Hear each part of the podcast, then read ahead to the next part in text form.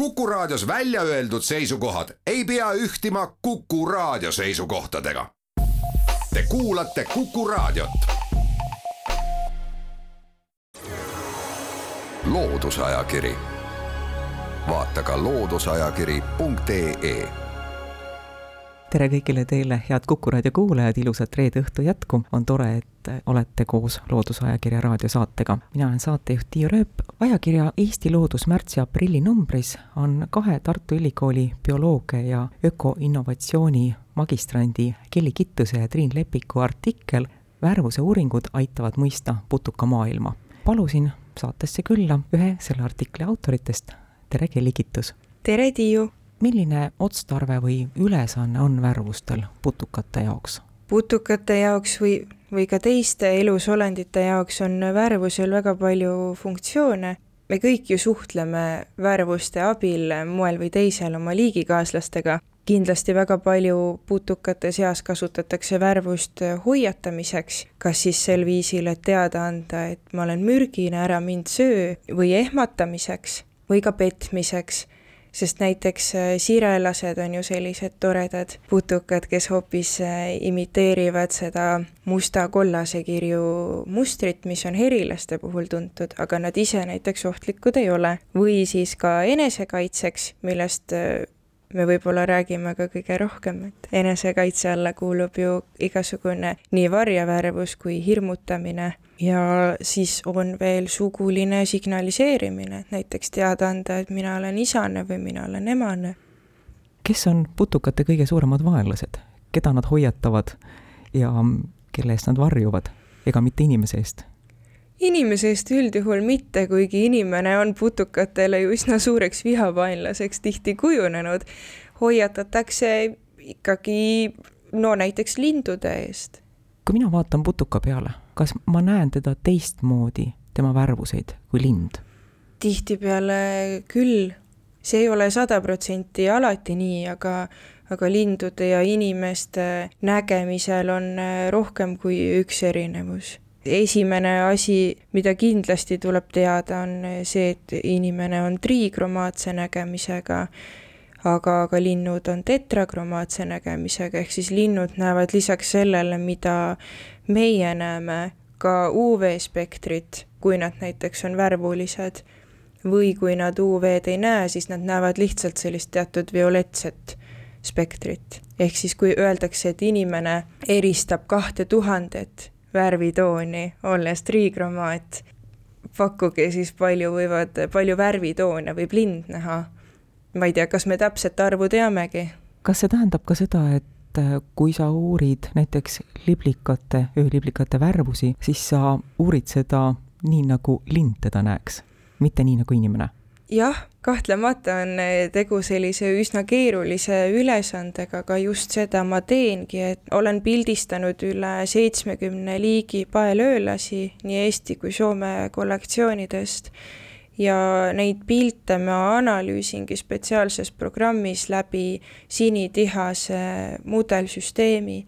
et sinitihane on lindude seas üks kõige paremini uuritud, nende nägemine on kõige paremini teada, need spetsiifilised parameetrid, mis tavainimesele ja ega ka mulle väga palju ei ütle. ja, ja sellepärast see programm saab mõõta, kuidas lind seda näeb ja arvestada ka seda UV-spektrit aga selle UV-spektri visualiseerimiseks me peame kasutama noh, nii-öelda võltse vahendeid, me peame lihtsalt näitama, et siin on UV, et see on mingit teist värvi.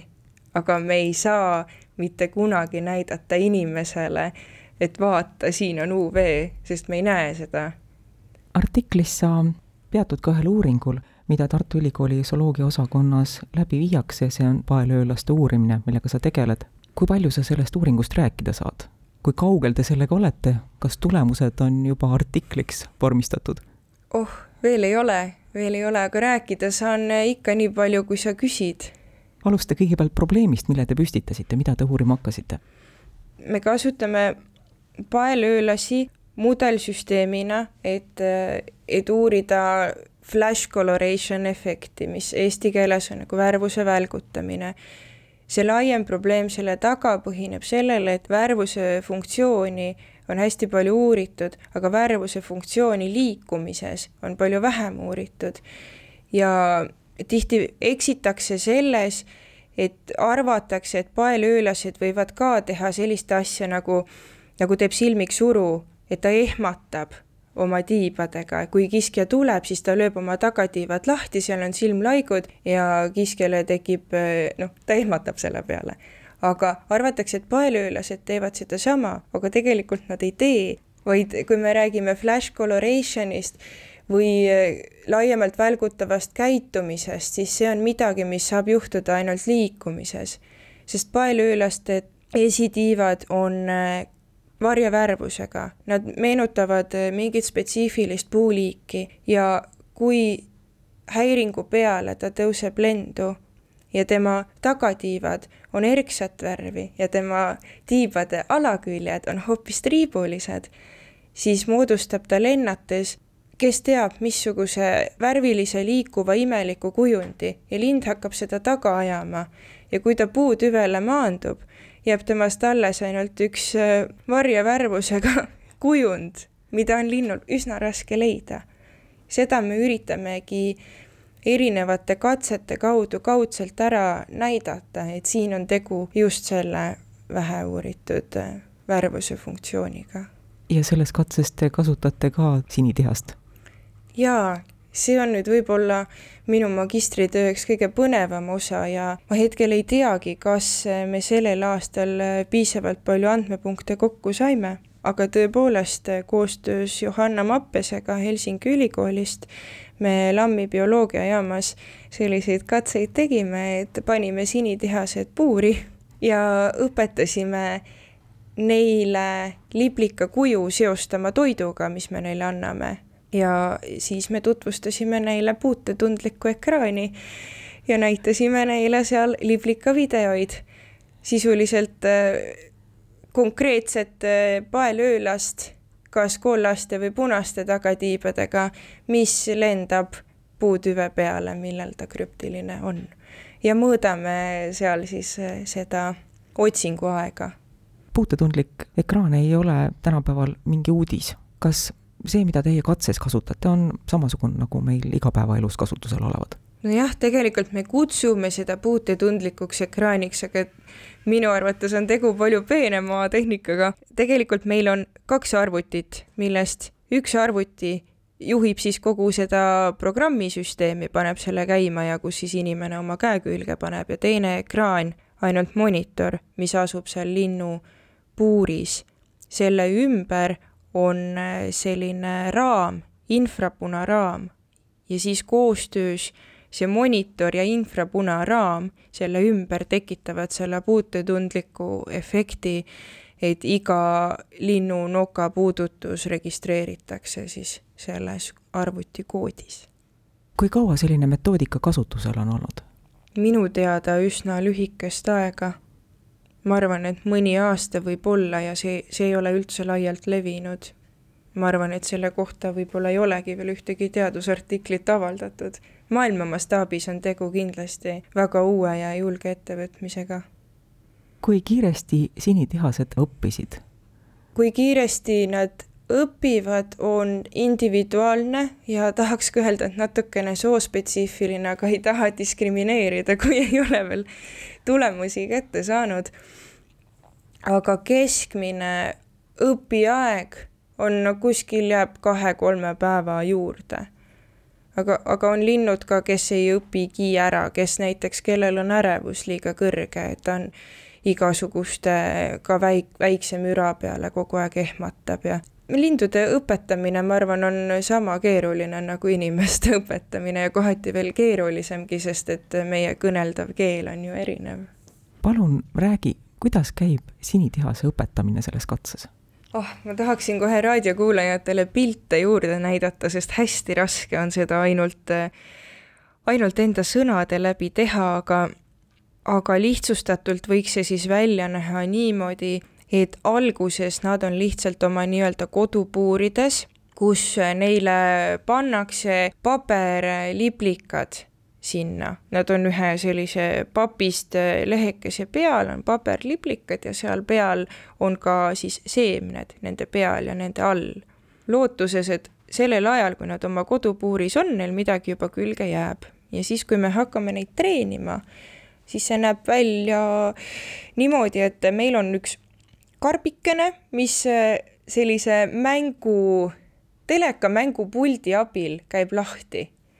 kaanekene tuleb lahti, seal on seemned sees. ja kui ta saab aru, et seal on seemned sees, see on koht, kus ta saab toitu, siis ta tahab seda toitu ju kätte saada. ja siis me paneme sinna puuri ka ühe paberliblika, mille peal on seeme, et tal oleks motivatsioon seda toksida ja kui ta seda toksib, siis läheb kaanekene lahti ja ta saab karbist preemiat.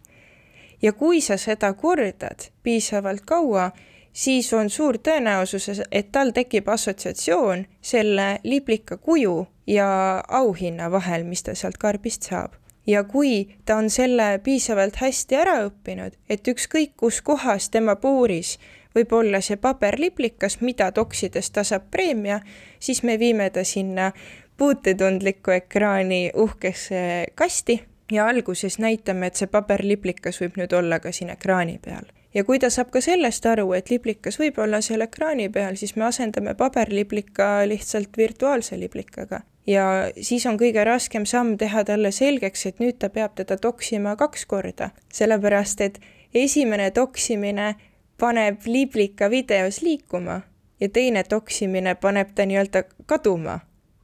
Sellepärast, et kui video läheb käima, see lõppeksperimendi video, siis see liblikas alustab oma lendu äärest, halli ekraani äärest ja siis lendab seal sellele puutüvele tihane peab ta sealt puutüvelt üles leidma, see on see lõppeesmärk. millise etapi äraõppimine on sinitihase jaoks kõige keerulisem, ma kujutan ette, et see kaks korda puutetundlikule ekraanile koputamine? Vahel nii, aga vahel just vastupidi. kui ma nende tihastega seal iga päev töötasin, siis minu kõige suurem vau-efekt oli see, et igaüks on indiviid sest näiteks on, on väga üks kolmandik kuskil nendest lindudest on sellised ütleks nagu jahiinstinktiga ikkagi totaalselt, et ta tahabki, ta tahabki seda liblikat tappa ja ta hakkab seda toksima niimoodi metsikult, et sellistele lindudele ei ole raske teha selgeks, et nüüd ta peab teda kaks korda toksima, sest kui ta teda näeb, ta toksib teda igal juhul et üldjoones kõige raskem samm, ma arvan, on see esimese assotsiatsiooni loomine. ja et seal ei läheks midagi valesti. Nad on hästi tundlikud, kui samal ajal keegi tuleb uksest sisse, ta võib ehmatada ja ta ei olegi enam koostöövalmis. seal selliste katsete puhul on nii palju nii palju kannatust vaja iseendale, nii palju sellist nii linnu mõtlemist kui mingit kolmandat silma, et sa näed ette ära kõiki asju, mis potentsiaalselt lindu võiks häirida ja sa suudad need elimineerida, enne kui on hilja. kas katses osalevad linnud eristavad inimesi ka, et keegi on talle sümpaatsem, keegi võib-olla muudab teda ärevamaks, rahutumaks? Mina isiklikult tunnen, et eristavad küll, aga mul ei ole sellele teaduslikku tõestust. ja nüüd me läksime sellisele hämarale alale. kelli me alustasime, mina juhatasin saadet sisse, öeldes, et me hakkame rääkima putukatest ja värvustest, kui olulised need on putukate maailmas. mulle tundub, et me oleme rohkem rääkinud sinitihasest ja seda minu eestvõtmisel, mul on hea meel, et sa sellest rääkisid. kas see uuring, mida sa kirjeldasid, mis on tegelikult paelöölaste mõistmiseks nende käitumise mõistmiseks, nende värvimustrite mõistmiseks üles ehitatud ja kus te kasutate sinitihaseid. kas võib öelda nii, et te läksite uurima paelöölasi, aga selle katse käigus nii mõndagi uut saab teada ka sinitihase kohta, kui nutikas ta on? ma arvan, et, et kindlasti iga uuring, mis, hõlmab ju rohkem kui ainult ühte liiki, eks ole, me ei saaks paelöölasi uurida, kui ei oleks linde, kui ei oleks sinitihast, kes on nii nutikas ja kelle nägemine on nii hästi uuritud. mina isiklikult olen tohutult palju õppinud lindude kohta ja spetsiifiliselt sinitihase kohta lindude nägemise kohta, ökoloogia kohta, kuigi minu teadmised ornitoloogiast on täiesti puudulikud. Ja ma arvan, et ka tavainimene, et praegu siin kevad on käes ja on hea teritada oma kõrva ja oma silma, et vaadata kas või millised linnud meil pargis on, siis tekib selline uurija silm, näiteks mina näen igal pool nüüd sinitihaseid, kuigi ma varem ei märganud neid üldse. aitäh! Kelly Kittus saatesse külla tulemast, aitäh selle vestluse eest. kuidas värvuse uuringud aitavad mõista putukamaailma, sellest saab soovi korral lugeda ajakirja Eesti Loodus märtsi-aprilli numbrist. aitäh kutsumast! saatejuht Tiia Rööp soovib kõigile ilusat õhtu jätku, jälle kuulmiseni! loodusajakiri, vaata ka looduseajakiri.ee